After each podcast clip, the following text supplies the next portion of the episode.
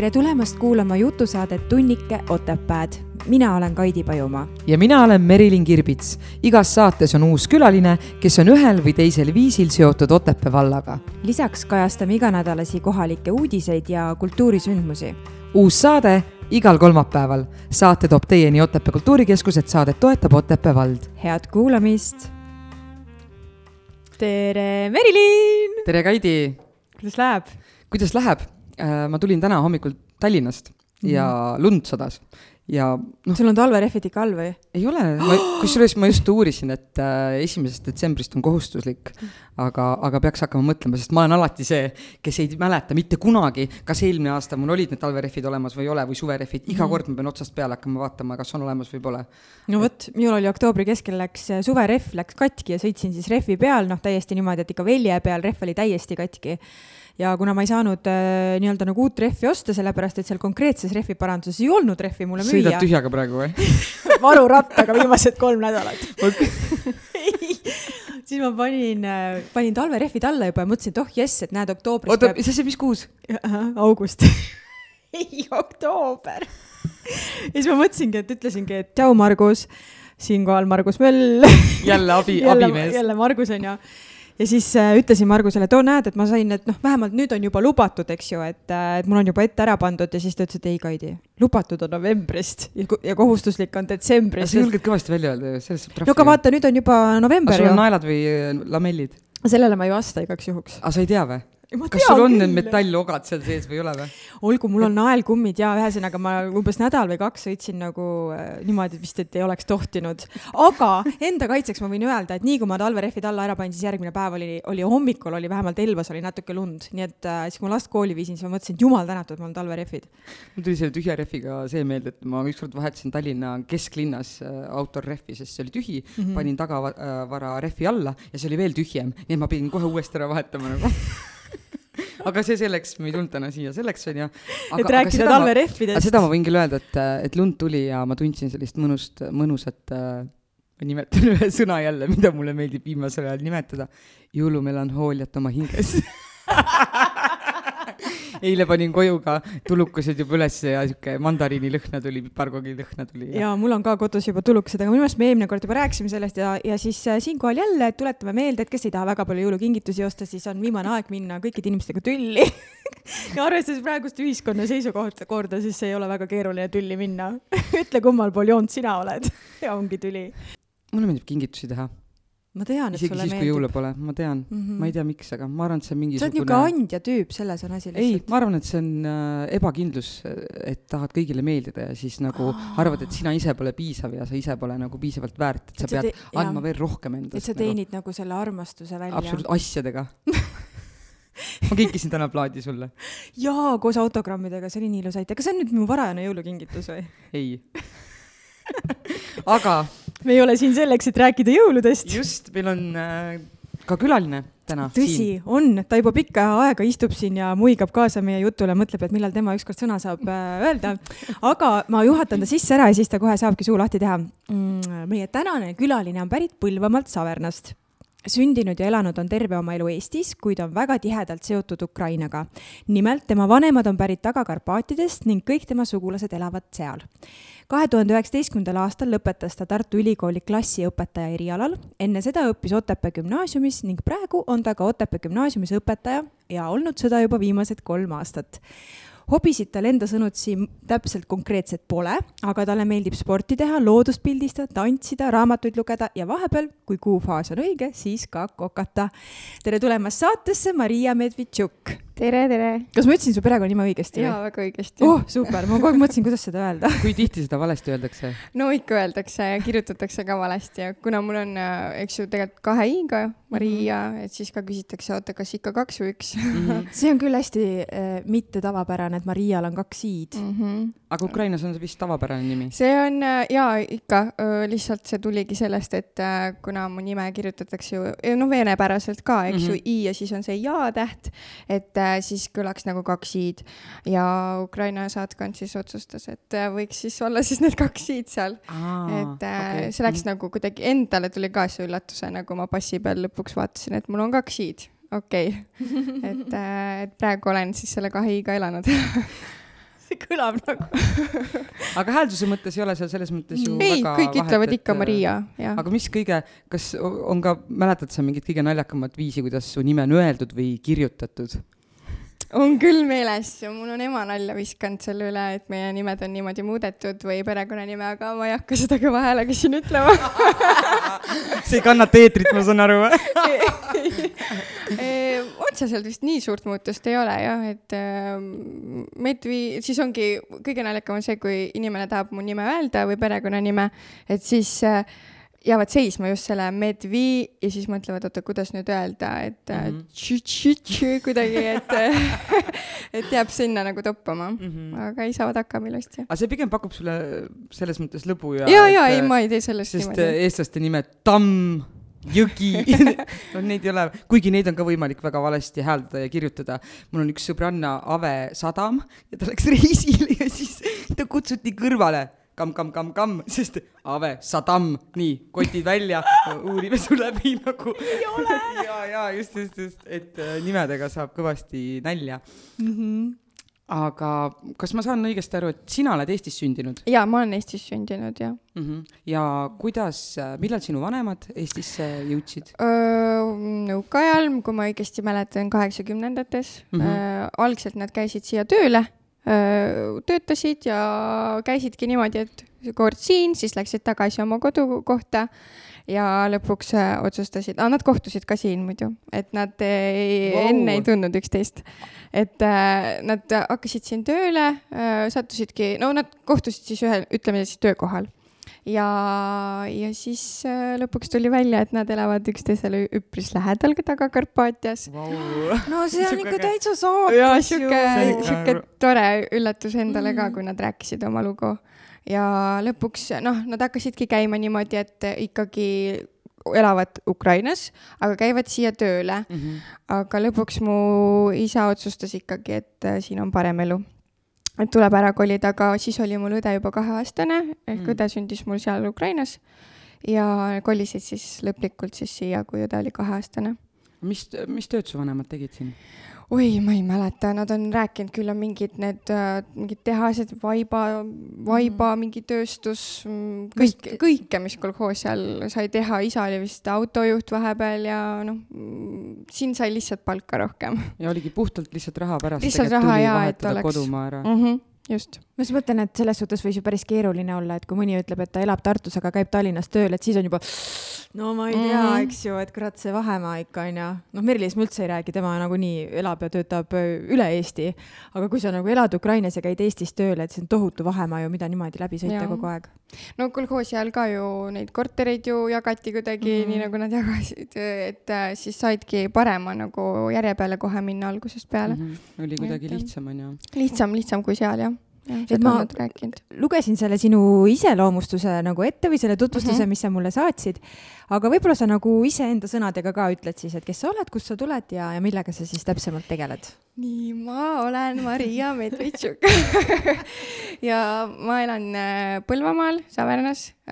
praegu tegelikult ma elan Tõrvandis Mm. mm.. et käin äh, Otepääle siis autoga siia, jah, ma ei tea, kui oluline see nüüd oli äh,. siis ähm, öö, õppisin Saverna põhikoolis üheksa aastat äh,, siis tulin Otepää gümnaasiumisse õppima kolm aastat äh,, lõpetasin ja läksin Tartu Ülikooli ja siis äh, elasin ja, ja õppisin Tartus.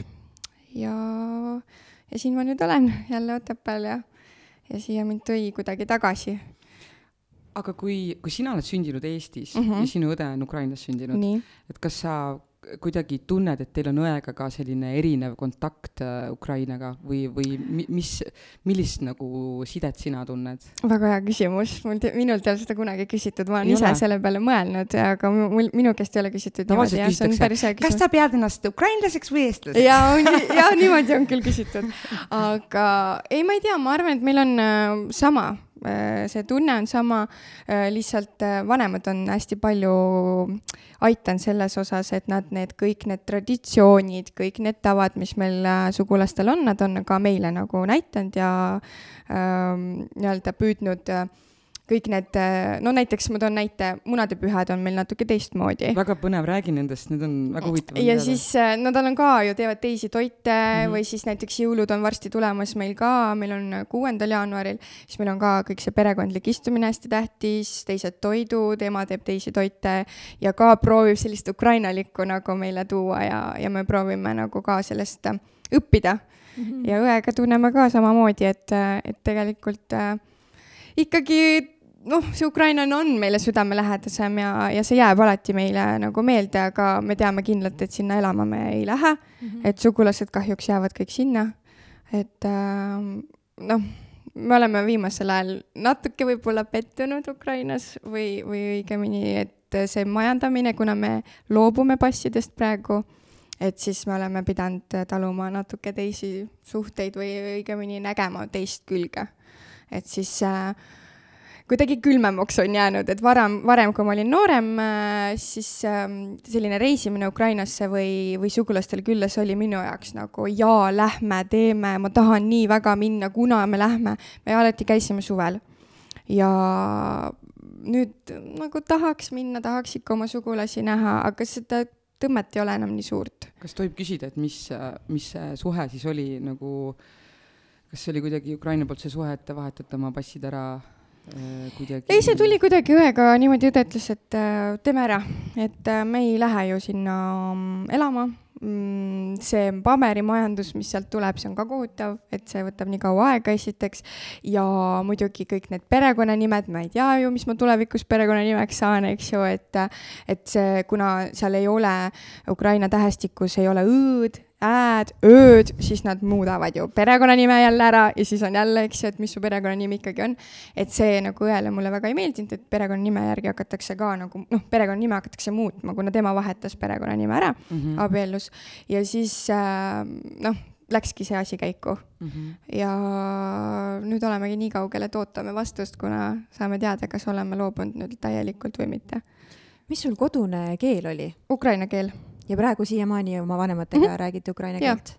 Et sa räägid imehästi eesti keelt, et üldse ei ole mitte mingisugust aktsenti. jah, no eluaeg siin elanud ja mm -hmm. ema-isa olid ju selle peal väljas, et äh, kui nad tulid siia elama ja siis olid ju veel vene koolid vist avatud või vene, noh, ühesõnaga vene keelt oli ka ikka pidevalt mm. -hmm. siis äh, isa oli algusest peale kohe öelnud emale, et lapsed lähevad eesti lasteaeda, eesti kooli ja nii edasi. ja õega niimoodi tehtigi, eesti lasteaed, eesti kooli, alguses oli väga raske tal, minul oli selles mõttes juba lihtsam, et õde mm -hmm on minust äh, palju vanem, kaksteist aastat vanem ah,. Wow, et okay., et siis ongi, et tema oli minu jaoks nagu eeskuju ja, ja teine õpetaja siis kodus, kes õpetas eesti keeles nagu rääkima kas ka. kas teie saite vanematest ennem eesti keele selgeks? ma arvan küll, mul on vanematel praegu ka sihuke, et lonkab ikka. et te peate ikka. tõlkima, onju, ma kuskilt lugesin, et kui te tahate õega salajuttu ajada, siis te räägite eesti keeles omavahel. jah, jah on küll jah. mul vanemad saavad väga hästi aru ja mm. isa on, noh, ikka see töö ja elu, see keskkond ikka loeb väga palju et ta on pidanud oma elus väga palju eesti keeles rääkima ja mm. Selle selgeks lõpuks saama. et ähm, mul sõbrad ja tuttavad ütlevad ka, kui temaga räägivad, siis ma mingi oh my god, kui ussa ta ikka räägib, et oh. aga samas ma tunnen uhkust, sest äh, et ta ju räägib ähm, võrreldes võib-olla mõne teise tuttavaga, kes on vene rahvusest või mhm. ukraina rahvusest, et äh, tema räägib ikka väga hästi ja kõik muidu sõbrad ja tuttavad saavad ikka temast aru ja tema mõtet saavad aru, et mis ta öelda tahab emal on natuke keerulisem, ema pigem kirjutab väga hästi eesti keeles, et see on nagu minu jaoks üllatav. ja kuna ta tööl on vaja tal seda kirjutamist rohkem. rääkimine ka tuleb välja, aktsent on, aga ta alati ka küsib, et kuidas, mis see tähendab ikkagi, siis ta kuulis näiteks töö juures mingit sõna, siis ta küsib, mis see oli, et töö juures öeldi, et mis see tähendab, eks ju.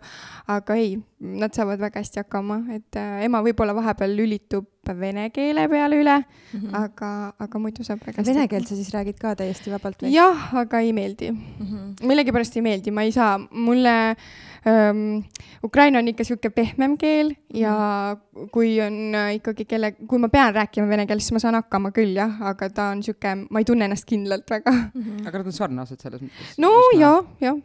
aga keelega vist, keele rääkimisega minu arust ka see, see kuidagi sellest tuleb välja mingisugune ebakindlus või enesekindlus, et mul on alati olnud piinlik äh, rääkida teistes keeltes, et ma tunnen ennast väga äh, kuidagi mugavustsoonist tuleb välja minna, ma kardan eksida mm, -hmm. et, äh, et kuidagi see häbitunne on, et see vahepeal takistab tegelikult seda keeles mingisugust arengut mm. -hmm. aga see, kui sa ütlesid, et et, äh, et ükskõik, kuidas nad räägivad, aga see, et nad üldse räägivad mm, -hmm. et mõni on siin elanud ju tegelikult terve elu Veel ja ta rohkem, isegi mm -hmm. ei ütle nagu tere, et ma ei kujuta ette, kui mina läheks kuskile mujale elama, siis äh, ma ikkagi püüaks austada kohalikku kultuuri ja seda keelt ja kõike, et, et ja. nende keskkonnast nagu aru saada. aga rääkides nendest traditsioonidest mm, -hmm. ähm, kas te, teil on siis ju tegelikult põhjust äh, rohkem äh, tähtpäevi pidada, ma saan no, aru. et kui palju, kas te peate neid Eesti traditsioone ka? jaa, eh, no vahepeal, no üks hetk olid jõulud niimoodi, et ega me väga ei teinud midagi mm, -hmm. et äh, lihtsalt pakkusin emale välja, et teeme mingi õhtusöögi, et sellist võib-olla ei ole nagu eestlastel kombeks, et kingitused ja niimoodi. me teeme küll, aga ma olengi nagu kuidagi emale nagu mõtte andnud, et äkki teeks enda kuuendal jaanuaril need kingitused nagu ära, et siis on natuke veel aega, on ju, et otsida ja aga mm, jah, jõulud, Eesti jõulud on natuke tahaplaanile jäänud, et meil on pigem need oma jõulud natuke tähtsamad mm. -hmm. munadepühad on tähtsamad, et äh, Eesti omasid me ka nagu peame, ema ju töö juures peab, kuna ta töötab vanadekodus, siis mm. äh, kokana, siis ta ikkagi vanakestele teeb ka, eks ju mm,, värvib need munad ära, et äh, mingid traditsioonid ta ikkagi hoiab ka Eesti poole pealt mm. -hmm. aga muidu jah, mõnevõrra, noh, väiksena, kui ma väiksem olin, siis äh, ema, ma ütlesin kogu aeg väiksem, mul on kaks jõuluvana. Ja, ja, ja ma räägin. Mul on kaks jõuluvana aga kuulajatele ka äh, lihtsalt infoks, et kui äh,, et Maria on väga ilus naine, et kui ta siia uksest sisse astus, siis on kohe näha, et on hoopis äh,, hoopis teist äh,, teist verd. et kui sa nagu kasvasid siin üles tänavapildis ka või, või kui me võtame siis näiteks vastas, vastassoo tähelepanu mm, -hmm. et kas seda on olnud ka nagu rohkem, et kas rohkem on nagu vaadatud just tänu sellele, et, et sa näed nii, nii eriline ja äge välja? ma arvan küll, jah mm. -hmm. on öeldud komplimente, on öeldud just silmade kohta. jah, jah, väga ilus ilusad silmad aitäh. Äh, no siuksed, mul on hästi eredalt meeles, et kui nad vaatavad silma, siis ma upun su silmadesse no. oh, mis klassis see oli ei, see oli vist, kui ma natuke nagu teismeeas olin. või siis näiteks, et äh, sa, sul on nii sügavad silmad mm, -hmm. et äh, no need, no ikka need, no nad näevad küll, et ma olen tõmmu ka ja mm -hmm. et siis äh, kuidagi. jah, Eesti no. mees vaatab selle Eesti naise hallidesse silmadesse, siis ei paista midagi su silmad su on hallid. ei paista välja. aga isalt, isalt on need ilusad silmad. ema on mul sinisilmne ja sini, sinised silmad on tal ja et siin ka lihtsalt kommentaariks, et äh, Marial on sellised sõstra tumedad silmad, et väga-väga-väga eriline. ma olen alati tahtnud endale tumedaid silmi. kusjuures on ilmselt sellepärast, et kui ma olin äh, teismeline, siis äh, üks poiss, kellest ma ilgelt armunud olin, ütles mulle, et kui sul oleks pruunid silmad, siis ma võtaksin su ära. ja siis ma talle kümme aastat hiljem kirjutasin, et kuule, vaata, tegin pilti endast, saatsin, et vaata, ma kannan praegu pruuni läätsesid, et kuule, et läheb diiliks või? Ta oli täiesti jahmunud selle rääki, peale. ma just tahtsin rääkida, et ma kunagi kandsin ka pruuniläät, siis mõtlesin, et huvitav, kas siis saab pruuni, pruuni silmadega lapsi või? minult on ka küsitud, kas sul on pruu-, kas sul on läätsed või ikka enda omad, ma ütlesin, et enda omad, ära valeta, ma ütlesin, no kuidas ma näitan sulle, et need on minu omad, et, et seda on ka öeldud jah, et mul on läätsed. aga ei ole.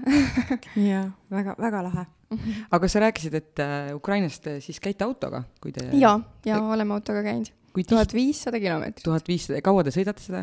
üks ööpäev, et äh, noh, oleneb äh, teeoludest, äh, kui väsinud mu isa on olnud, et, et see on ikka pikk sõit.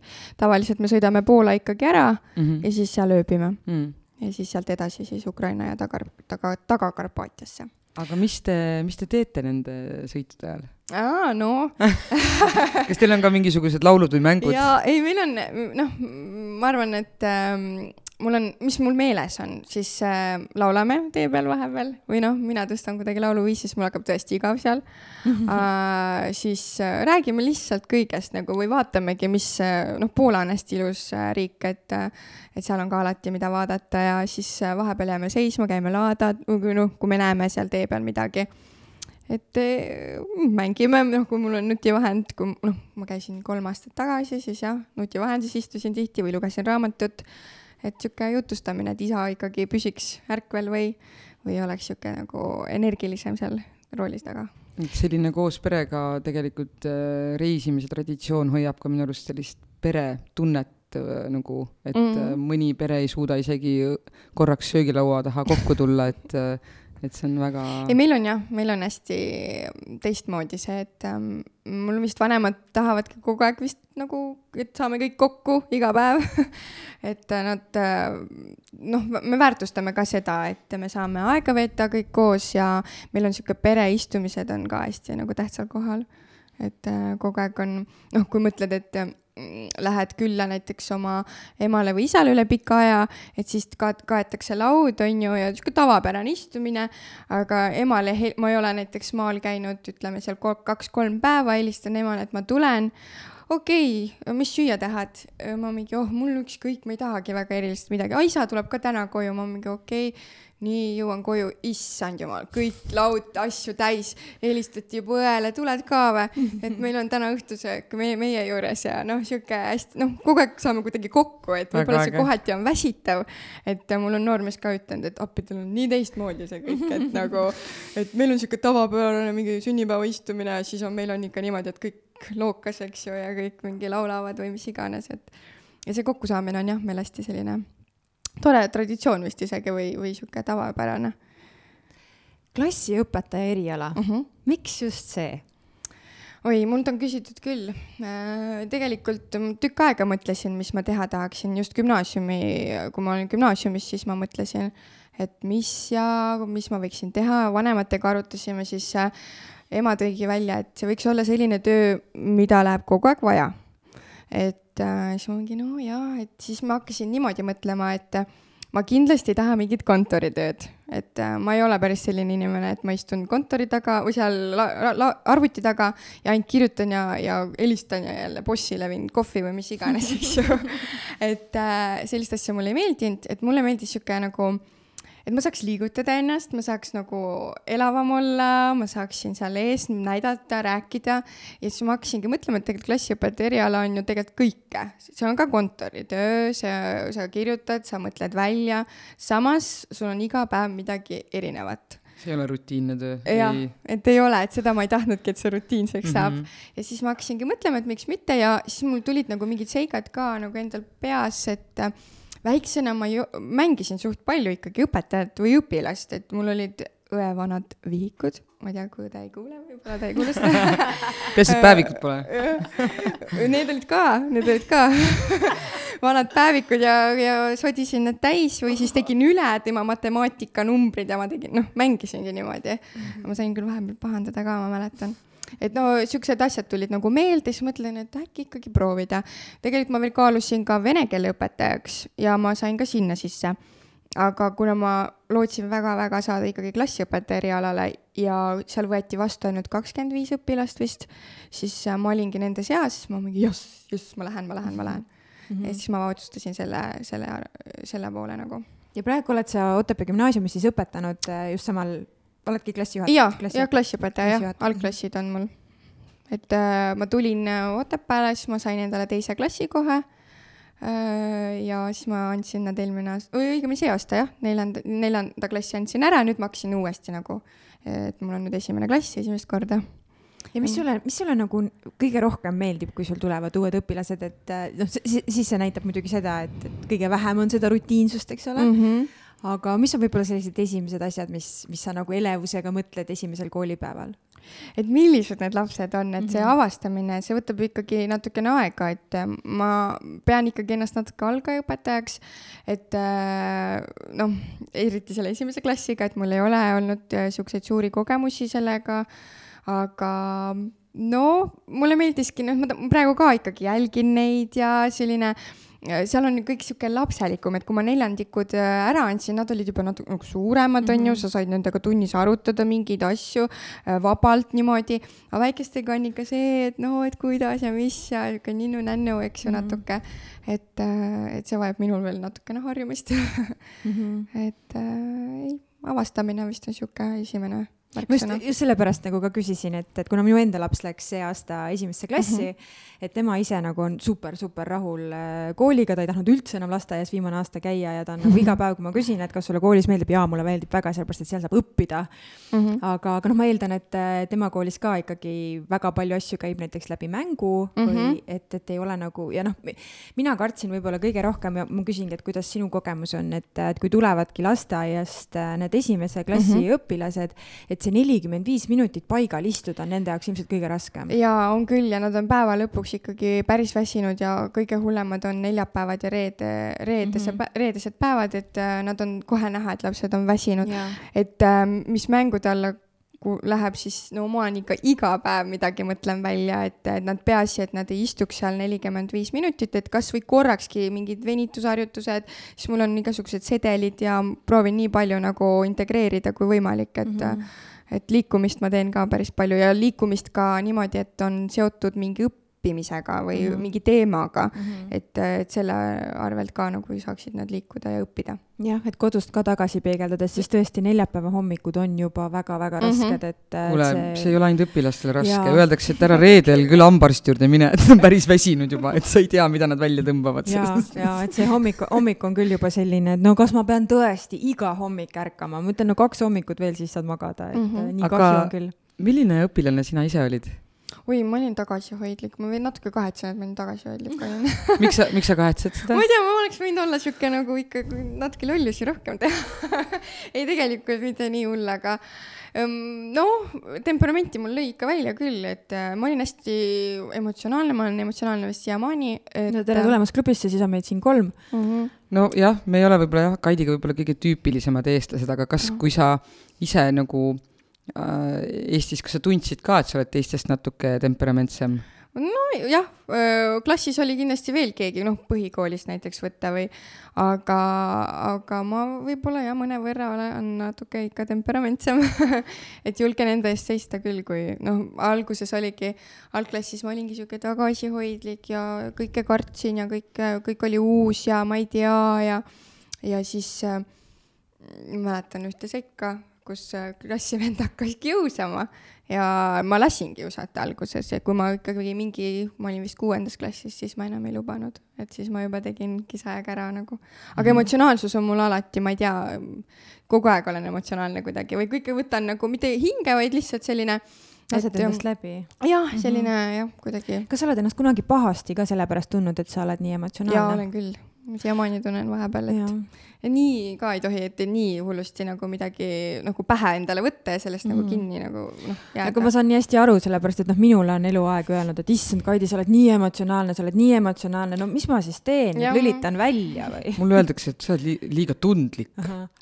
vabandust, et ma ei ole tuim mingi käkk, mingi telliskivi nurgas nagu. tundlik jah, et no jah, väiksena ma võisin, no ma ei tea, võib-olla siiamaani on natukene, õde ka vahepeal ütleb, et issand, sa ikka nutad iga asja pärast nagu, et äh, vahepeal tulevad need lihtsalt need pisarad või jah mingist,, need kipuvad päris ma pigem eelistan emotsiooni mm -hmm. kui seda, et inimesel ei ole seda, nii et äh, kui, kui ma isegi olen kedagi võib-olla mingisuguse teoga nagu solvanud või mis iganes mm, -hmm. siis mul on isegi hea meel, et ta on reageerinud, sest mm -hmm. kui ta reageeriks selle peale, siis oleks see veel tegelikult kurvem variant. aga kui sa noh, ütleme nii, et kui me ise, ma ei tea, noh, meie käisime pigem nagu ma ei tea, mis aastal meie koolis käisime, onju. kas sa ise tunned ka, et lapsed on muutunud? oo jaa, on küll, et mul on alati ka enda peale, kui mõtlen, kui ma väiksena olin, ma ju kartsin ju suuri, no ikka, no vaatasin, abiturient tuleb või keegi tuleb sealt, õpetaja isegi tuleb, sa olid kohe hiirvaikselt, onju. aga tänapäeva lapsed on hästi julged, hästi avatud, ka võib-olla temperamentsemad, kui mina väiksena olin, eks ju.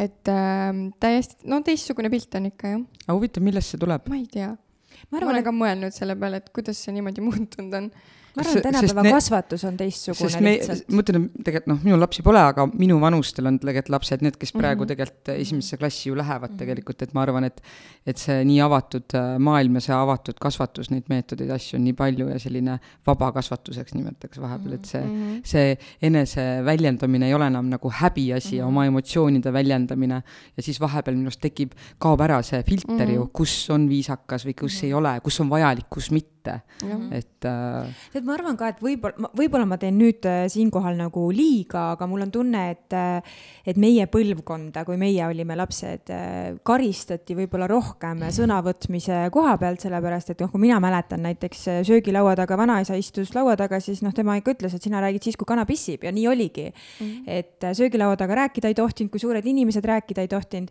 et kui ma rääkisin, näiteks vaatan praegu enda lapsi, et äh, et väiksem on mul neli, noh, ja kui me kuskil tänavapildi, tänaval näiteks käime või oleme spaades või kuskil käinud ja näiteks on natuke teistsugune inimene, et kas on kaalult natukene suurem või on just väga kõhna või ta näeb nagu teistsugune välja, siis tal ei ole seda filtrit, et, et noh, et ta sosistaks mulle, onju, vaid ta näitab näpuga ja ütleb kõva häälega, emme, kuule see tädi on küll hirmus paks. no ja tead, häbenesilmad peast, eks ju. aga, ja siis ma alati nagu räägin temaga, ma mitte ei karista ja ei ütle, et sa ei tohi mitte midagi öelda, vaid mm -hmm. ma lihtsalt nagu seletan, et see on ebaviisakas ja võib-olla inimesel on mingi haigus ja igal inimesel on õigus olla täpselt selline, nagu ta on. aga mul on tunne, et vanasti karistati ära lapsi, sest ma arvan, et lapsed alguses on kõik ühesugused, nad on kõik väga vahetud, väga mm -hmm. siirad, väga otsekohesed, ausad, avameelsed. aga kui sa saad piisavalt palju õiendada või pahandada või noh, mõni sai ka ju füüsiliselt äh, täpselt, eks ju või raamatuga Et, pähe äh, või neid asju tuli ette küll koolis. sina ei räägi sellist asja, eks ju, et äh, et mingi nurgas seismine ja, ja siuksed asjad. herneste peal põlvili olemine nurgas ja ise käisid oma vitsal järel ja kõik mm -hmm. Mhm. see juuste praegu ei nurgas tohi jubeda ju midagi teha tegelikult. jah, See või ongi see juustes arust- sakutamine ja just siit tagant kuklast, sest siit on kohe eriti valus, et endal mõned lapsepõlvetraumad sellest, eks ju. aga, aga ma mõtlen just, et kui ma enda suurema poisiga ka räägin, siis, siis me nagu arutame hästi palju mm. -hmm. et mis on ja mis ei ole, mis on õige, mis on vale, mida tema tunneb, just see, et et räägi, mida sa tunned mm, -hmm. et kui ta ütleb, et mul on paha tuju, et siis minnagi sealt nagu sügavuti, et okei okay,, sul on paha tuju, aga mis, mis, mis tunne sul seal nagu all näiteks on, et mis seda on põhjustanud ma arvan, et selline suhtumine tänapäeva lapsevanematelt ka teeb lapsed avatumaks ja ma arvan, et nad on ka tervemad tänu sellele. aga näiteks teatris, kui ma lava peal olen, siis ma küll äh, näen seda, et kus äh, kasvatajad või õpetajad või juhendajad või kuidas nüüd siis mm, -hmm. lasteaias on ka vist nüüd õpetajad, eks ole just. Et äh, ju siis nad on võib-olla natukene vanemad, et mm Mhm. -hmm. veel selles vanas kasvatuses kinni, et ka teatris mm -hmm. ei tohi oma emotsioone väljendada. nii et äh, kui me oleme näitlejatena lava peal midagi küsinud, et keegi just tõi näite, et lapsed tõuseme kõik püsti ja, ja nagu kuna ükski õpetaja ei tõusnud, siis lastel oli ka, siis üks laps nagu tõusis püsti ja õpetaja tõmbas ta maha istuma nagu. just, et tihtipeale vahest on ka seda, et kui on, ongi selline mm -hmm. koht, kus me räägime või mm -hmm. äh, neil, nad võivadki ju naerda, nad võivad, nad võivad rääkida, sest et see ongi ju peegeldus selles mõttes ja neile öeldakse mis iganes, eks ole. et mm, -hmm. et see teeb nagu pigem, et see ongi see koht, kus ennast väljendada nagu, see ongi see peegeldus ju, me ju püüamegi anda ju tegelikult läbi teatri neile mingisuguseid emotsioone. jaa, aga kui me lähme vaata sellesse aega tagasi, kus siis tõesti need õpetajad olid noored või lapsed, siis tegelikult sellist nagu dialoogi vormis teatrivormi ju, formaati ju ei olnud. ma ei kujuta ette, kui palju seda neljanda seina lõhkumist oli, võib-olla ei Ma olnud. et aga naerda ikka võis ju või? Ei no jaa, ma mõtlen, et kui mina rääkida nagu... ei tohi muidugi, niisama võib-olla nagu tühja mula, aga aga no mõtlen, et kui mina näiteks väiksena teatris käisin, siis oli ikkagi see, et mul oli selline pikk punane sametkleit, tema tegi patsiga šlehvid pähe, eks ju, lakkingad jalga ja noh, teatris oli ikka hästi-hästi viisakas, sa olid vait, noh, kõik see, seal oli alati nagu selline, selline hoopis teistsugune aura, mis, mis on tänapäeva teatrites, et et võib-olla nad tulevadki sellest ajastust, et sina ei võigi mitte midagi öelda, lihtsalt plaksutadki veel läbi ja ongi kõik, onju.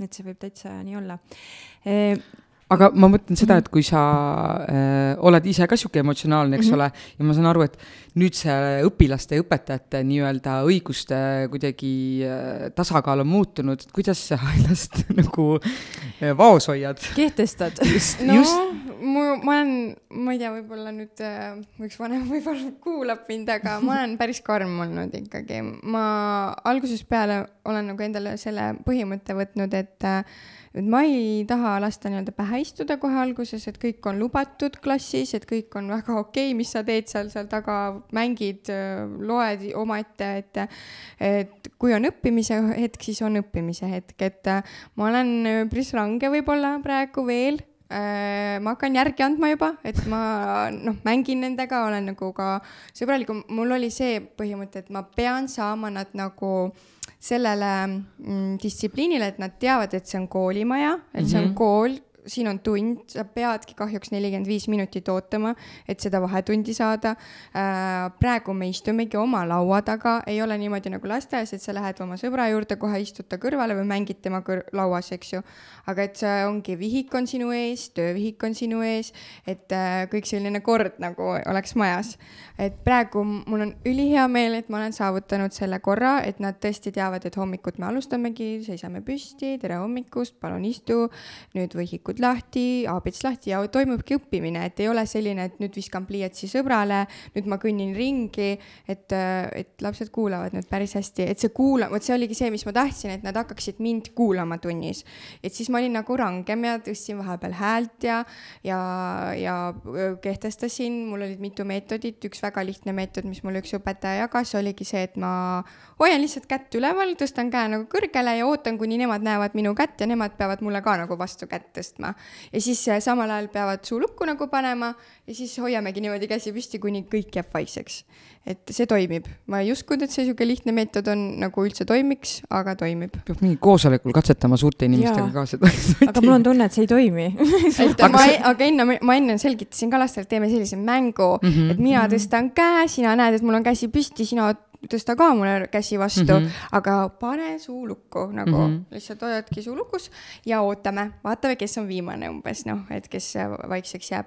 aga väga hästi toimib, ma tegin ka vahepeal siukseid nagu mänge lihtsalt, üks hetk nagu tõstsin käe, aga kuigi tegelikult oli kõik hästi, onju, mhm. ja siis nad, sihuke tähelepanumäng ka kohati mm, -hmm. et see nagu toimib no see hääl, üks õpetaja ütles mulle, et äkki ikka ei tasu kogu aeg häält tõsta, eks ju, et äh, proovi nagu teistmoodi. ja siis ma tegin ka niimoodi, et ma sosistasin, et mm. hakkasin sosistama või siis nad vaatasid, mis ma teen seal ees, eks ju, et ma nagu sosistan või nagu mingi pantomiim käib, eks ju, et õpe-, siis nad ka jäid vaatama ja ootasid kusjuures teatris lava peal on täpselt sama, et mm -hmm. lastest ülerääkimine tihtipeale ei mõjugi mm, -hmm. sest et ei nad lähevad ise ka järjest valjemaks, aga mingil hetkel, kui tekib vaikus, või paus, siis oota, mis, mis nüüd, mis nüüd juhtus, mis nüüd mhm. toimub nagu. ja kõige parem on muidugi need liikumised, üks hetk vaatad, võib-olla tõesti nad on nii väsinud, et nad hakkavadki lollitama või midagi seal jutustama liiga valjult, siis ütledki hops, tõuseme püsti ja teeme midagi ägedat mm, -hmm. et äh, siis see ka toi-. et nagu nad saaksid aru, et see, et see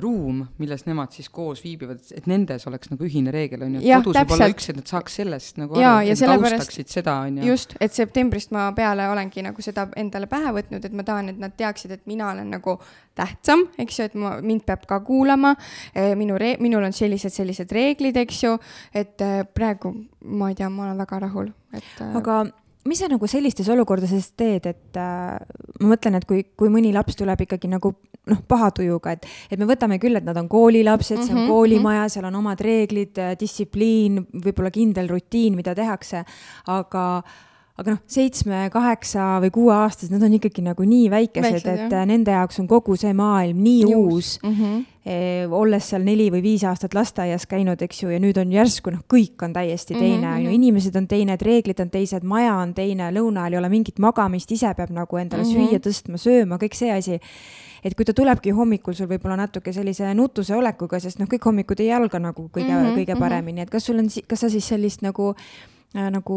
kuidas ma ütlen siis nagu hellust või soojust Ikka. või kohalolu ka ma olen nagu... tegelikult väga sõbralik, et ma võin mm -hmm. tunduda, et äh, võib-olla kui vaadata mu tunde võib-olla praegu, et ma olen kuidagi jah, karm või sihuke kindel, et nii on mm. -hmm. aga tegelikult ma ikkagi mängin lastega ja lapsed tulevad minuga kaasa ja nad on kohe noh, nad ikkagi tulevad ja kallistuvad või räägime niisamagi mm, -hmm. et meil on ka siukseid tunde, kus ongi täielik arutlemine ja mm -hmm. ainult üks jutustamine ja jutusta nii palju, kui tahad, eks ju, et, et äh, ma olen tegelikult väga nagu hea südamega ja alati tulen äh, lastele nagu, noh, ma olen öelnud neile ka, sa oled minu sõber mm, -hmm. mina olen sinu sõber et alati oma murega minu poole pöörduda, tuleb rääkida, et võib-olla neil tekkiski kohati nagu hirm, ma arvasingi seda, et see tekib, et kuna ma olin kohe alguses selline, et nii, minu reeglid on need, need, noh.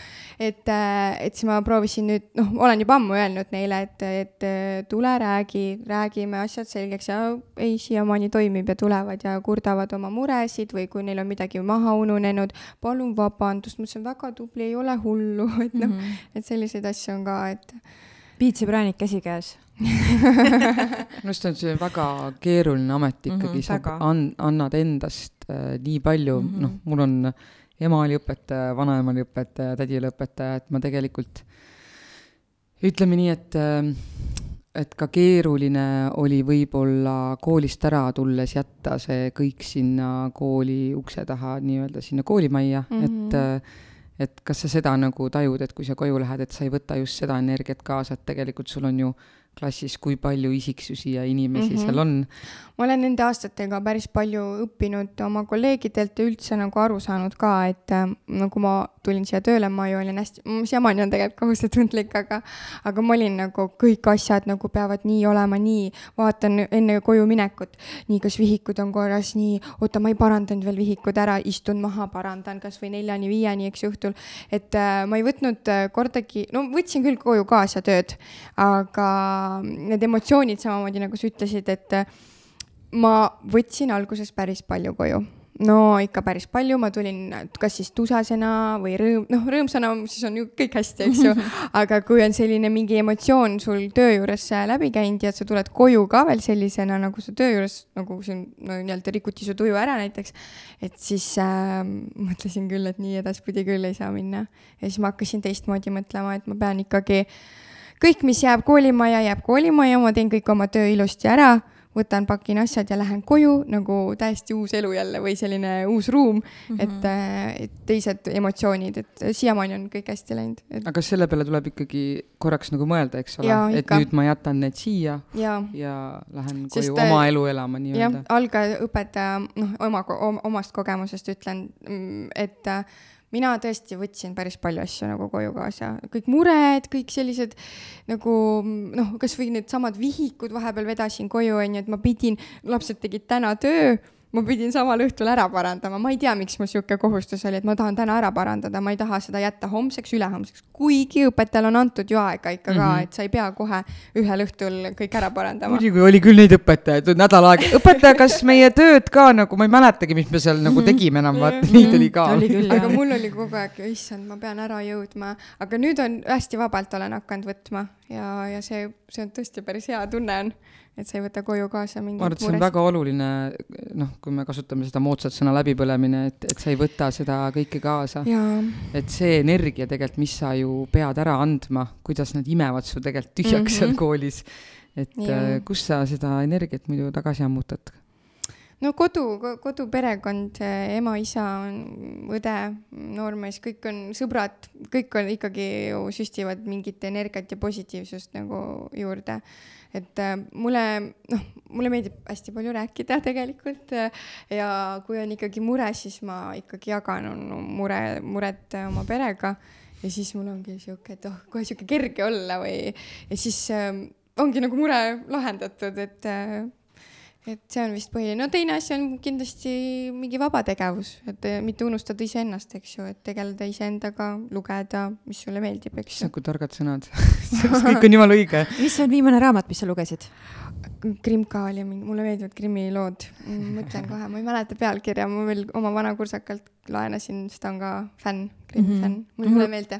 minu õele ka hullult kriminullid meeldivad, mina ei ole kunagi leidnud nendes, mulle meeldivad sellised fantaasia asjad rohkem. Need Mhm. siuksed eluloolised rohkem. sa loed elulugusid või? Äh, pigem ma eelistaks jah, ja kui ma filme vaatan ka, et siis äh, mis kõik on nagu tõesti sündinud loo põhjal mulle tundub, et see puudutab mind rohkem. Mhm. et sihuke mingi ulmeteema, kus tulevad mingid verised kollid ja zombid, ma nagu, ma lihtsalt naeran nende peale või action filmid, ma näen, kuidas see tüüp nagu higiselt punnitab, aga ma Mhm. tean, et ta on näitleja ja ta peab kümme korda seda stseeni nagu tegema, siis ma nagu ei võta tõsiselt jaa, seda. kusjuures peale seda, kui ma ise ka nagu nii-öelda teatrilavale sattusin, ma ei suuda enam vaadata filme normaalselt nagu. ja saad sa aru, eriti ebamugav on mul vaadata neid igasuguseid intiimseid stseene nagu, mõtled, et seal on kaameramees ja veel teine kaameramees ja siis on seal režissöör ja Ja siis sa on ülejäänud näitlejad ja, ja sa ei tee seda ühe korra ja siis sa pead seal nagu ilgelt armunud ja, ja teise teeme küljest uuesti, me saame praegu heli kätte, et äh, aga kas, kas, kui sa õpetajaks äh, õppisid, siis äh, kas koolis ka kuidagi tegeldi seal nende emotsioonide, kuidas toime tulla just selle emotsionaalse poolega, et tegelikult või on ainult, kuidas mingi programm kui ma esimese kursuse läbisin või esimese aasta siis klassiõpetaja, siis ma mõtlesin, et ei, ma jätan selle kõik pooleli, mind üldse ei huvita, ma ei taha enam õpetaja olla, sest äh, esimene aasta, kui sa lähed klassiõpetajaks, ma ei tea, kuidas praegu on õppekavaga, aga meil oli täielik psühholoogia. lapsepsühholoogia, õpilase psühholoogia, kõik mingi, kõik, mis on psühholoogiaga seotud, hästi sihuke teoreetiline või mm -hmm. hästi teoreetiline. ja ma väsisin nii ära sellest, ma tahtsin juba praktikat, ma tahtsin mm -hmm. juba proovida ma mingeid mänge välja mõelda. aga me saime hakata seda teisest äh, aastast enam-vähem ja siis me käisime ainult vaatlemas, mis oli ka väga igav tahaks jälle, tahaks ikka ees juba proovida, et äh, noh, Tartu Ülikoolist jäigi mul niisugune asi nagu kõlama, et no ei saa väga praktikat sealt õpetaja, et kõik tuleb ikkagi siis, kui sa tööle lähed mm. -hmm. ja sellepärast ma nagu otsustasingi, et ma pean juba ära proovima. ja viimasel kursusel olin, viies aasta jooksis ja tulin siia, sain tööle siia Otepääle, et sain juba proovida nagu, et mis see täpselt on, et äh, esimene aasta oli sihuke, et ei, et äh, me hetkeks rääkisime sellest, et äh, sulle meeldib lugeda, aga mis, mille, millega sa veel oma vaba aega täidad? sport. nii, mida täpsemalt sa teed? Mm, mulle meeldib kõndimas käia äh,, jooksmas käisin suve jooksul mm,, siis äh, no mingid jõutrennid, kodused trennid, ma teen praegu kodus mm. -hmm. Et, äh, noh, me, me guugeldame ka kui külalisi, onju. räägi sellest, kas sa kõhutantsuga ei tegele enam? tegelesin, tegelesin, kui ma õigesti mäletan, äkki neli aastat. Mhm. et äh, kunagi, kui ma põhikoolis, tegelikult mulle meeldisid vanasti juba need India filmid ja oi, meil olid igasugused need filmid kodus endale vanematel. jälle koos vaatasime ja ei, see oli äge ja sealt tuli kuidagi sihuke, et oo, idamaine, mulle meeldib, kõlinad, kostüümid. Ja siis äh, tuli sihuke huvitav koge-, võimalus, et Savärnas hakati andma kõhutantsutrenne ja käiski minu meelest Tartust äkki või õpetaja andmas ja sain käia seal, aga siis, kui ma siia gümnaasiumisse tulin, ma natuke veel käisin ja siis ma vaatasin, et mulle ajaga üldse, üldse ei klapi. aga sa tead, Sangaste kultuurimajas on kõhutantsu okei okay,, ei teadnud, ma olen selle kõrvale jätnud. et äh, ma käisin ja siis, kui ma veel ülikooli läksin, siis ma mõtlesin, et oh, ülikoolis ikka aega on, tudengielu, jõuan kõike teha äh,. aga ei, seal Tartus oli küll väga palju ju neid stuudioid ja ma lihtsalt vaatasin, et ei, ei saa, ma pühendasin ennast täielikult nagu õppimisele. Selles mõttes on see huvitav, et, et kui vana sa olid, kui sa seda kõhutantsu tegid, see oli gümnaasiumis onju?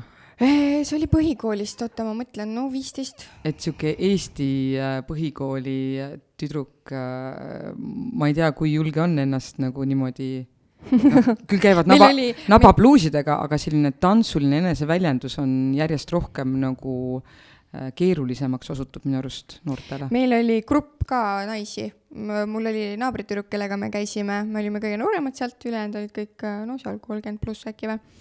ja ei, meil oli tä- tä- täitsa vahva, me käisime esinemas ja, ja mm, mulle väga meeldis, see oli äge, et ma sain nagu ära käia seal ja ikkagi neli aastat tegeleda ja tan- ja käia esinemas seda nagu see, see oli ka väärt. kas sulle meeldib üldiselt ka tantsida? jaa, Äh, esmaspäeviti kell seitse on meil Otepää kultuurimajas äh, esteetika tantsukooli äh, täiskasvanute naiste show tantsugrupp, selles okay. mõttes keegi ei ole professionaalne, keegi pole mm. -hmm. kogenud, lihtsalt tavalised inimesed tänavalt me tuleme kokku, õpime kavasid, kes soovivad, käime esinemas mm. -hmm. et esteetika tantsukooli juhendaja Kätlin on suurepärane treener ja nii et sa oled äh, teretulnud tõesti okei okay,, uurin. erinevaid stiile, mida, mida meie soovime, mis ta välja pakub, et see on mm. -hmm. nagu mõnus no no,. trennid ka, mis mulle hullult meeldisid, kui ma käisin Zumba näiteks, et see on Mhm, ka siuke, mis mulle siiamaani meeldib.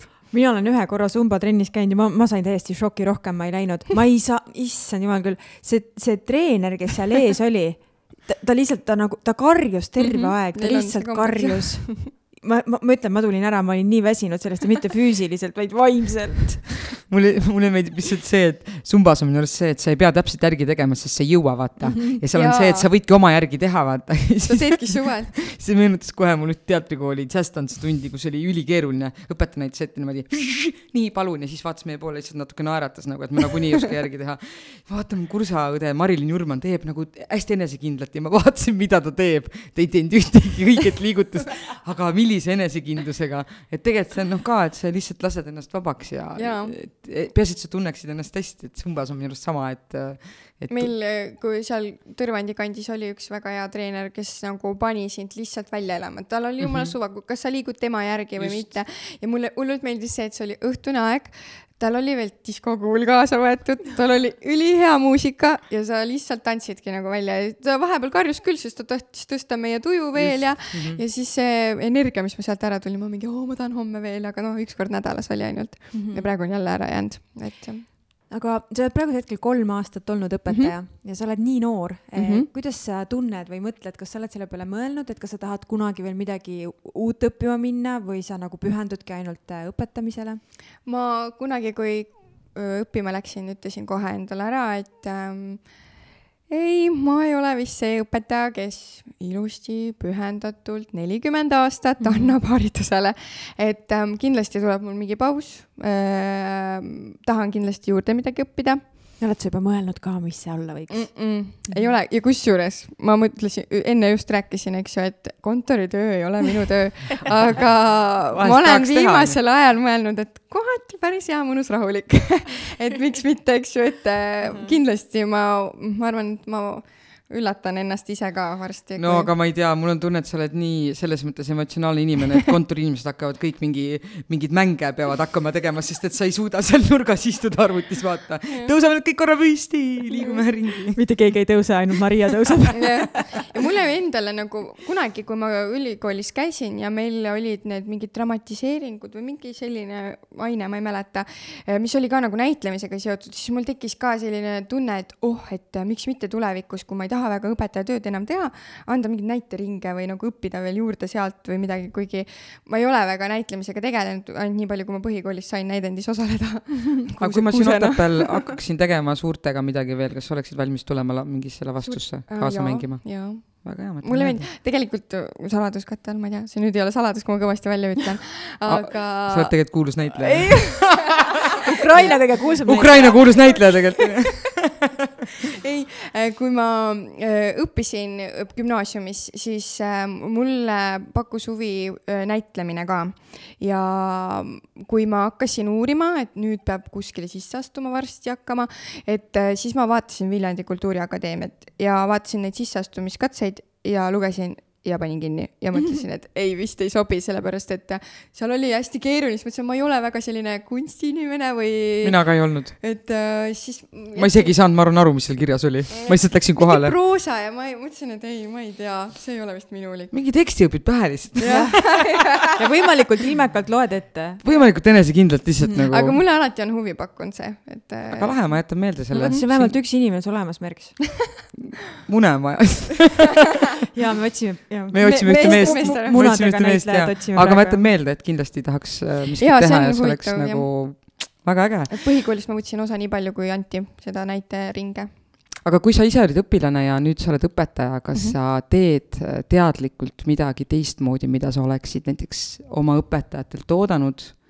Ma ei tea, ma ei saa aru, ma ei, ma ei tea, kas mu küsimus on nagu selge, et sa nägi, et kui ma nä-, va-, vaatan õpetajaid, eks ole mm, -hmm. et ma oleksin tahtnud või oodanud oma õpetajalt midagi teistmoodi või, või, või rohkem, mitte rohkemat, aga et kas sa ise teed nüüd läbi selle, et sa mäletad, mida õpetajad tegid, et teed sa midagi teistmoodi? ma teen seda, et ma ei, mul ei ole tunnid ainult töövihik ja õpik et äh, mul on peale töövihiku õpiku ka veel muid meetodeid, eks ju. Mm -hmm.. et võib-olla noh, vanasti ei olnud neid nii siukseid koolitusi, kus õpetaja praegu saab käia, et veel ennast arendada, eks ju, aga ma arvan, et jäi puudu ikkagi mõnele õpetajale, et võiks, oleks võinud ikkagi rohkem mängulisemalt, et või suuri on ikkagi raske käima saada, ma arvan, teismelisi. aga ma arvan, et kui on ikkagi sihuke äge mäng, mis on õppeteemaga seotud või selle, mis sa õpetad, ma ei tea, kasvõi taimed või midagi, et siis ma usun, et see pakub huvi, kui see on sihuke ikkagi täiesti teismelistele mõeldud, ei ole ainult nutivahend, vaid on ka selle liikumisega seotud mm. -hmm. et peab lihtsalt hästi elav ise õpetaja ees olema. kusjuures ma eile hakkasin just mõtlema selle peale, et äh, lapsed ju arenevad läbi jäljendamise mm, -hmm. et äh, kuna ma ise teen päris palju ka kodus tööd arvuti taga, siis äh, eelmisel nädalal oligi mul üks suurem laps oli distantsõppel ja väiksem oli ka siis seetõttu kodus ja ja siis oligi, et iga kord, kui mina ise istusin arvuti taga, olid mõlemad kohe nagu nii-öelda nagu enda nuti, nutiasjades, eks ju.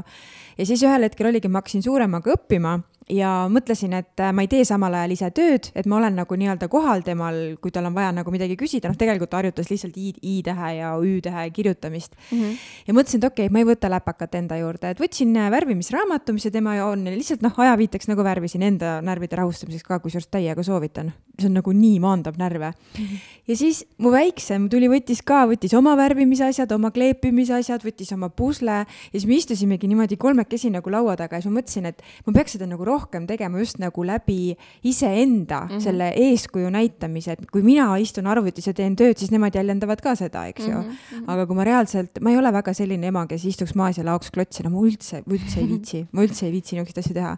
aga värvida ma nagu võin ja see oli nagu nii huvitav äh, minu jaoks ka. mul oli tegelikult mingi mõte ka, miks ma seda rääkisin, aga see praegu läks kuhugi sa ütlesid, see jäljendamise teema mm, -hmm. et see, mida mm -hmm. sina ees nagu teed, et, et seda siis äh, lapsed nagu automaatselt äh, teevad järgi. jaa, aa, ma tahtsin seda sinu käest küsida, et mm -hmm. võib-olla praegu kuulavad meid äh, mm -hmm. äkki ka mõned nooremad mm, -hmm. kes võib-olla just mõtlevad, et äkki selline klassiõpetaja eriala või üleüldiselt õpetaja eriala on midagi, mida nad võiksid õppima minna mm. -hmm. et mida sina tooksid välja, et mis on need kolm omadust, mis ühel heal õpetajal näiteks võiksid olla mm? -hmm kolm, ma mõtlen. Äh, no sa pead olema mitmekesine mm -hmm. ikkagi. Äh, mõtlen kohe elav, ma arvan, et elav on sihuke, et sa pead ikka käima lükkama mm -hmm. selle tunni kuidagi või olemagi seal ees üks hüppav jänes mm. -hmm. et äh, teedki nalja ja siis samal ajal oled nagu range, samas ütled, no nii, kõik stopp, nüüd hakkame ülesannet tegema mm. -hmm. samas sa pead ikkagi olema järjepidev Mm -hmm. et sa pead oma asjades hästi kindel olema mm. -hmm. ma arvan, et üks kindel omadus on ka see, et sa pead olema väga hea psühholoog, sest ja. äh, kui mina huviringe andsin nii põhikooli kui gümnaasiumi tasandil, siis äh, olenemata sellest, kas need noored olid üheteistaastased või nad olid seitsmeteistaastased mm, -hmm. sa pead olema ka see inimene, kes, kes võtab selle noore vastu ja kui näeb, et tal on mingi teema siis sa peadki olema nagu ka see psühholoog mm. -hmm. et õnneks mul, mu enda ülemus toona siis küsis ka, et, et kui palju sa reaalselt oled näiteringi juhendaja ja kui palju sa oled nagu psühholoog. et see psühholoog on päris suur osa sellest osast. mul on jah, mul on, ma olen ka mõelnud selle peale, et no tegelikult õpetaja on ka ju nagu psühholoog, eks ju.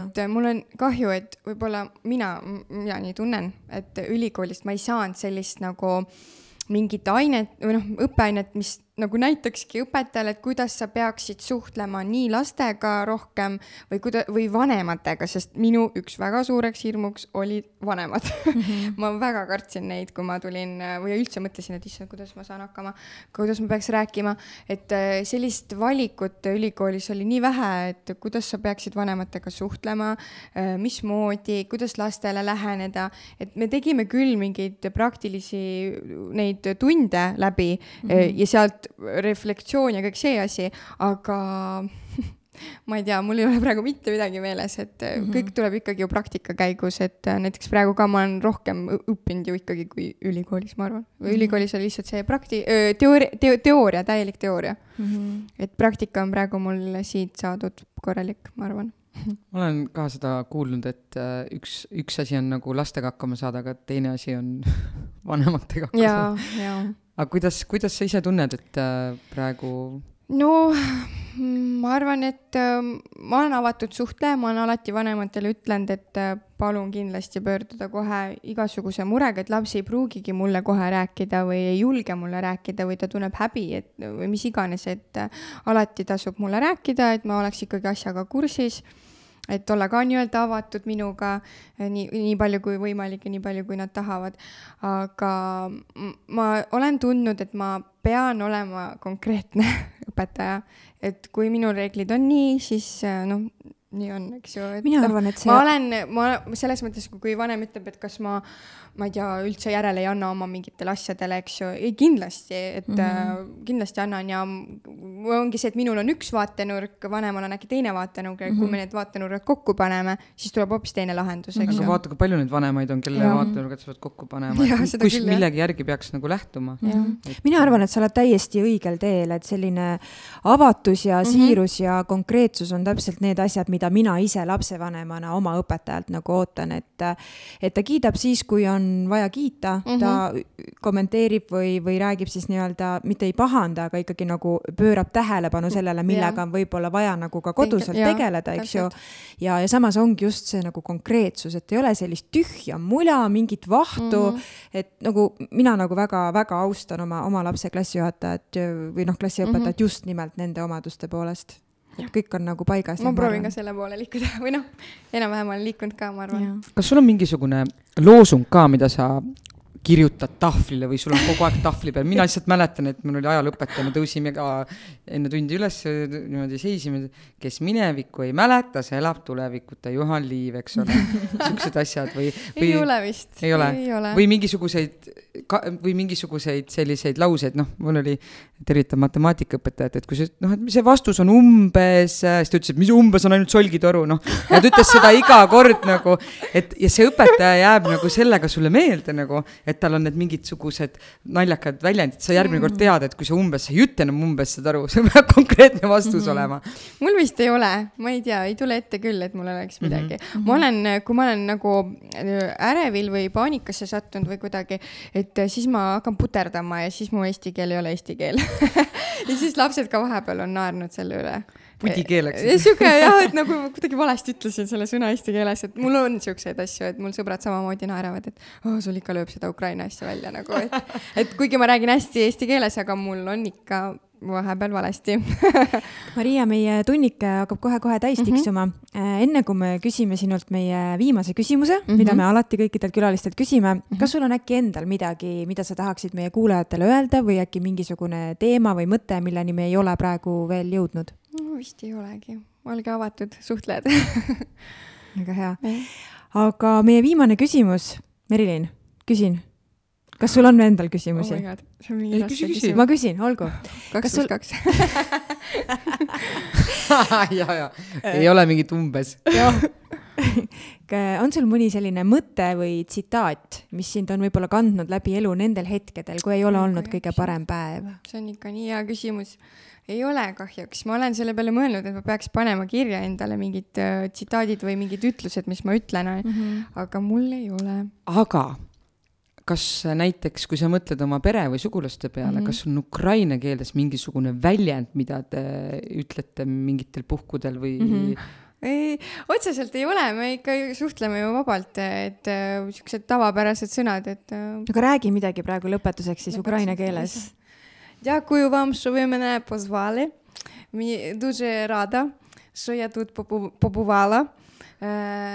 Буду ждати запись mm,. no mis veel me ei tea, mis sa ütlesid ju. ma sain sealt vist ühest sõnast, et Rada on vist äh, rõõmus või tore.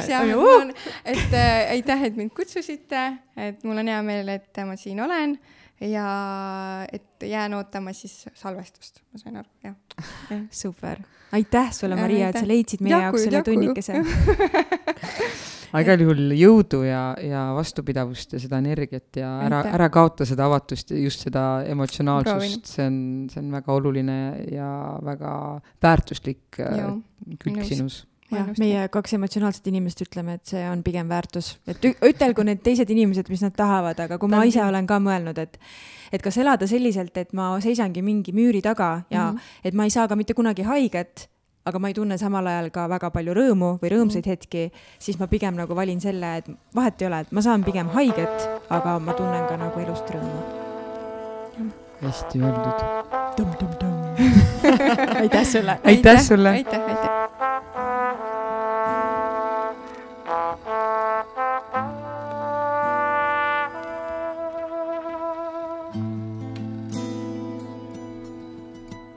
Щедрик, щедрик, щедрівочка, щедрик, щедрик, щедрівочка, прилетіла ластівочка, прилетіла ластівочка, стала собі щебетати, стала собі щебетати, господаря кликати, господаря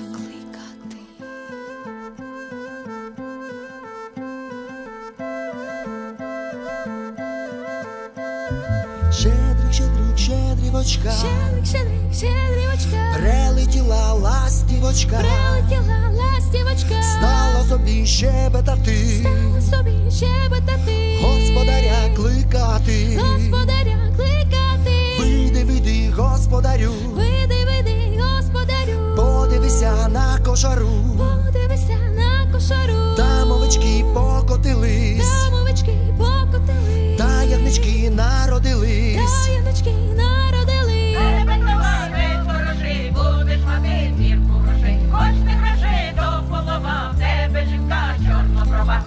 Точно гроші та полома, в тебе жінка чорноброва.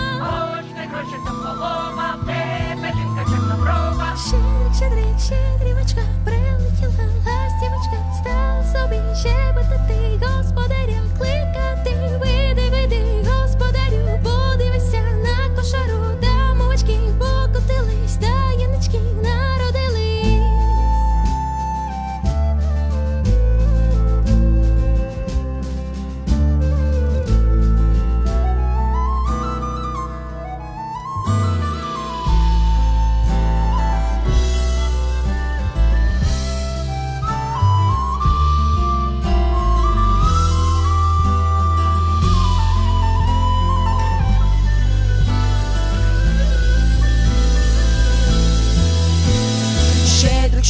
щедрівочка, прилетіла ластівочка, стала собі щебетати, господаря кликати, вийди, вийди, господарю, подивися на кошару, там овечки покотились, та янички народились, в тебе товар весь хороший, будеш мати мірку грошей, хоч не грошей, то полова, в тебе жінка чорноброва, в тебе товар весь хороший, будеш мати мірку грошей, хоч не грошей, то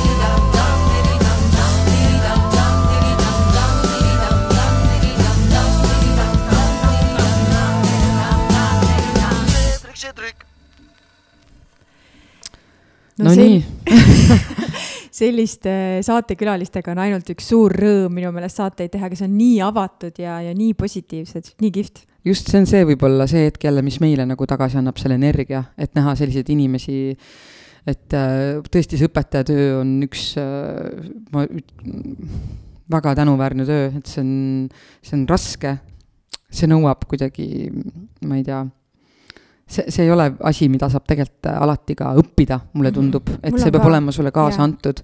et mulle tundub, et Marial on lihtsalt nii, nii palju antud, et jaa. äh, tahaks kohe minna esimesse klassi tema juurde, et mängida neid mänge, mis ta teeb. no absoluutselt, selles suhtes mõtle, kui noh, ma just mõtlen, et, et inimesed, kes on nii-öelda oma valdkonna leidnud, et kuidas see nendel võib-olla nagu lapsepõlves ka juba mõned märgid tulevad, eks ju, nagu ta rääkis, et on alati, et on väiksena ka mängides ju tahtis olla õpetaja või tahtis olla õpilane ja et, et kuidas tal juba kooli ajal ju peas hakkasid juba mõtlema, mis mänge ta tahab teha, et juba nagu praktikasse rakendada, et äh, minu meelest ka õpetajaamet on midagi sellist, mida mina iial ei suudaks teha ja iga kord, kui ma lähen äh, oma lapsele lasteaeda järgi ja ma räägin lasteaiaõpetajast, ma mõtlen alati, et kuidas nad küll jaksavad. tal on kaheksateist nelja-aastast või viieaastast last uh, nagu et me võime selle ühe näiteringi juhendada nädalas, on ju, aga päevas on, ma ei tea, mitu tundi lastel on ja kõik on nelikümmend viis minutit. Mhm. ja pluss siis need liikumispausid või need vahepealsed vahetunnid ka ju ikkagi sa pead ju, sest esimestel klassidel ja ma ei, ilmselt vist ka võib-olla teisel klassil, neil on ju samas äh, klassiruumis on nagu tunnid, ehk siis nagu klassiõpetaja esimeses klassis annab nagu mitut erinevat ainet Mm -hmm. et see ei ole, et sa oled ainult eesti keele õpetaja näiteks põhikoolis mm -hmm. Mhm. või gümnaasiumis on ju, et sa pead kogu aeg tegema need tunnid põnevaks, huvitavaks ja iga päev. Mm -hmm, just. Iga päev. Nad on ka inimesed ja, ja, ja kõik päevad ei ole vennad ja endal on ka vahepeal emotsio-, emotsioone erinevaid, et, et sellega mm. -hmm. nagu toime tulla ja mitte ja. seda kaasas kanda ja see on, see on tõesti see, see on nagu oskus omaette, et tulla kooli ja jätta nii-öelda need saapad sinna ukse taha, eks ju, et sa ei tule nagu oma murede ja tunnetega nagu kooli, sest sul istuvad vastas seal kakskümmend või kakskümmend kolm seitsme-kaheksa aastast last ja sa pead nendega tegelema ja nende emotsioonidega ennekõike, et, et kuidas sa iseenda isiksus nagu või enda mured jätta nagu ukse taha, et see on ka kindlasti väga-väga raske asi, mida teha teha ja see on olla esimene õpetaja mm. -hmm. et äh, kui palju see tegelikult lapse arengu ja kujunemise juures on oluline, me ise ju, meil on jäänud meelde mingisugused õpetajad teatud äh, kuidagi asjade järgi, et et minu arvates on see hästi suur vastutus, et äh, inimelude ees või nende mm -hmm. arengu või nende valikute ees, aga, aga samas sul on see jõud või võim tegelikult suunata või, või panna neid teisiti mõtlema või et see on jah, ja ka igapäevaselt luua selline keskkond, kuhu sul see laps tahab tulla tagasi. et kui see lapsest saab nii-öelda nooruk, ta teab, et tema jaoks on haridus oluline ja ta peab seda tegema, eks ju. aga kui see seitsme või kaheksa või üheksa aastane ütlebki iga hommik, et ma ei taha näiteks minna, et ma kardan või mulle ei meeldi et juba selles osas on sul väga suur vastutus õpetajana, et olla nagu ka mitte noh, sa oledki ju õpetaja, sa oled psühholoog, aga ennekõike oled sa ka, ka lihtsalt inimene, kellega su laps veedab nagu kõige rohkem aega oma, oma elust võib-olla nagu nädala keskel. et jääda nagu ikkagi nagu inimeseks just. väga võimas. esitame Maria vestluse kohta ühe küsimuse. jah, ja me küsime, et millal tähistab Maria oma perega jõule just, ja siis vastused saata Eh, ikka tunnike otepaad at gmail .com või siis Facebookis otsige üles meid Tunnike Otepääd ja kirjutage sinna postkasti. ja me loosime välja. nii, meil on siin laua peal mingid nänni. ei, mida me, mida me loosime tähelepanelikule kuulajale? võime anda muusikaplaadi näiteks meie siis tunnusmuusika äh, autorilt Tobias Tammeru triolt mõnus kuulamine. ja, aga mina ja... sain täna endale selle kingituse väga-väga väge. ja nii, et äh, kirjutage meile ja võite niisama ka kirjutada, tagasisidet anda ja ma just sain äh,, eile sain ühe meeldiva, meeldiva mm, kirjakese oma klassiõelt Otepää gümnaasiumist äh,, kes ei ela üldse Otepääl enam äh, ja olen saanud ka tagasisidet klassiõdedelt, kes elavad välismaal kes kuulavad meie saadet. tõesti? just, ja ütlevad, et äh, nii äh, mõnus kuulamine, et panevad klapid kõrva ja lükkavad seda titakäru ja käivad mööda linna. oi kui tore, nii tore, aitäh teile, et te niimoodi tagasi peegeldate, see on täiega meie kütus äh, seda saadet ikka edasi teha. aga eelmisele küsimusele õigesti vastas siis, või tähendab, mis meil küsimus oli? et miks on aabika, aabitsa peal kukk? just, ja Helgi Pung, palju õnne! vastas siis, et kuke sümbol on pärit kristlusest ja kukke kui äratajat peetakse hoolsuse sümboliks ja just sellepärast on ta siis ka aabitsa peal. just nii, meile tundus ka see põnev fakt, sest mina näiteks ei, ei, ei olnudki, võib-olla ma olen kuulnud, aga ei mäletanud, et, et aabitsa peal on kukk just nagu ja, ja nii tore, Helgi, et sa ikka meid kuulad ja sinule siis, sina oled siis meie Otepää kultuurikeskuste joogipudeli võitja võtame sinuga ühendust. just, ja tulen sulle külla ka kunagi, ma olen juba tükk aega lubanud no vot, siis sa saad võtta joogipudeli kaasa.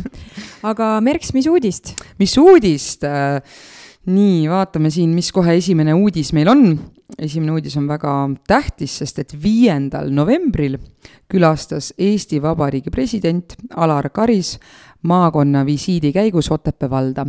president kohtus Otepääl ka Läti Vabariigi presidendi Egils Levitsiga meil on hea meel, et president alustas oma esimest riigi visiiti Tallinnast väga-väga kaugel, Valgamaalt, sõnas volikogu esimees Rein Pullerits. talve pealinn Otepää jaoks on see suur au, et Eesti ja Läti presidendid alustasid oma ühiskohtumist just Otepäält, lisas vallavanem Jaanus Parkala. kes soovib täpsemalt presidentide visiidist lugeda, siis leiab vastava artikli Otepää valla kodulehelt otepaa.ee Otepää vallavalitsuses saab tööd hankespetsialist. tööle asumise aeg on esimesel võimalusel. kandideerimiseks saata hiljemalt üheksateistkümnendaks novembriks eluloo kirjeldus ja motivatsioonikiri aadressil vald at otepaa.ee.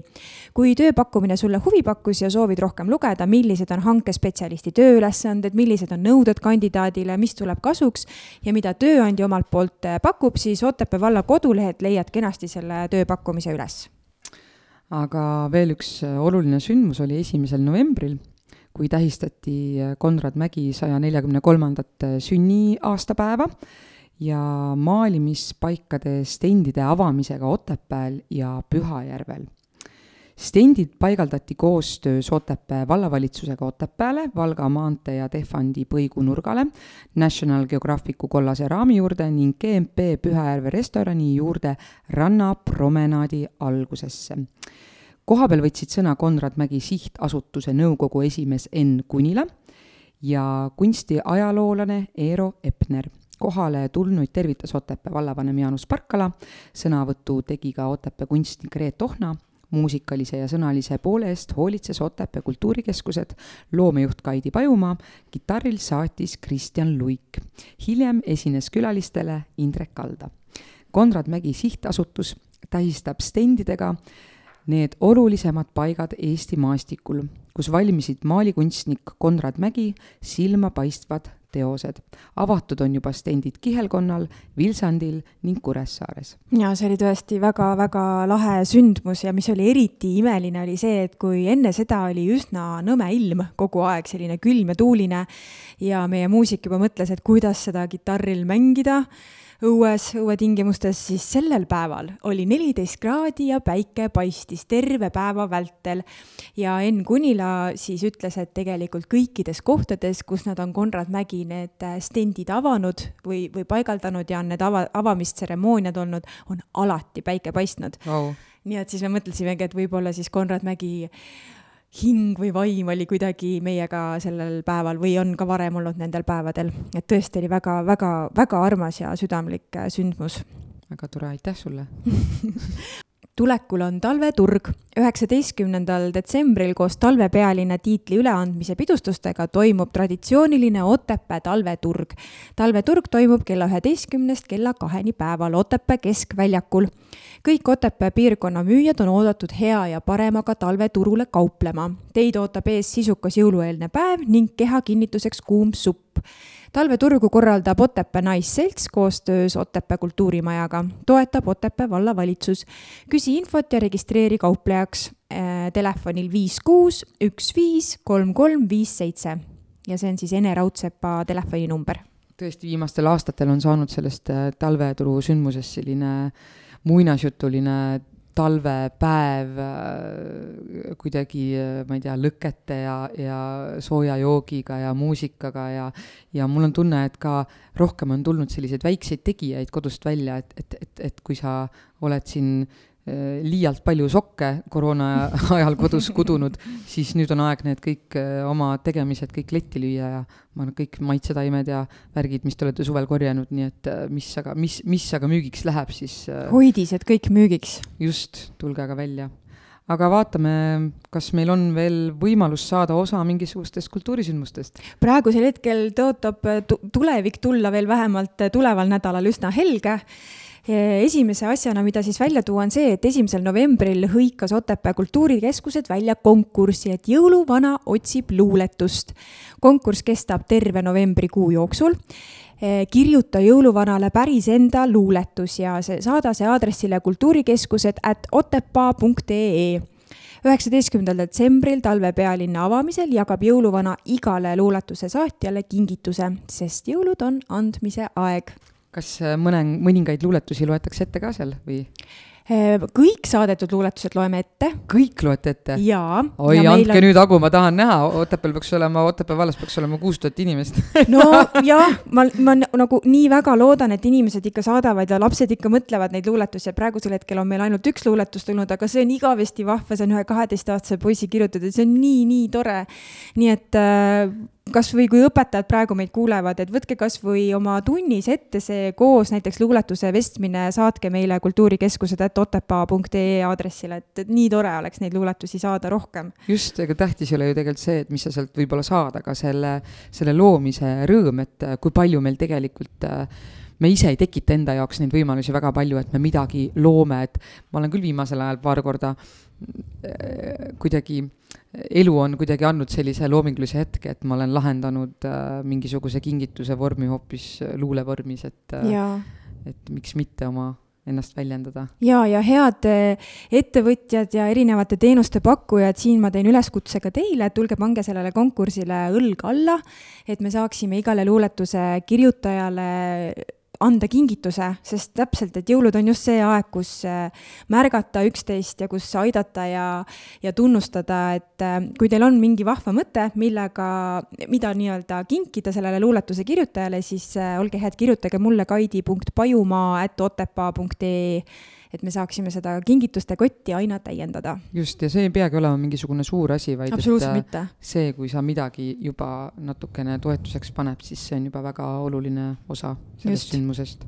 aga neljapäeval, üheteistkümnendal novembril kell kaheksateist null null toimub Puka kogukonna köögis vestlusõhtu Viigi Viil kanguriga. juttu tuleb ajus toimuvast ehk kõik on kahe kõrva vahel kinni. Biokeemilistest mehhanismidest kehas, mis takistavad muutusi kust ammutada energiat muutusteks. osalustasu on kakskümmend viis eurot, rohkem infot Anneli Uhvertilt telefonil viis üks kolm viis üheksa kuus üks. vestlusõhtut korraldab MTÜ Puka kogukond laupäeval, kolmeteistkümnendal novembril kell seitseteist null null Otepää kultuurimajas Otepää Naisselts koostöös Otepää valla ja Otepää kultuurikeskustega korraldab isadepäeva kontsertaktuse. kuulutatakse välja Otepää valla aasta isa kaks tuhat kakskümmend üks laureaat.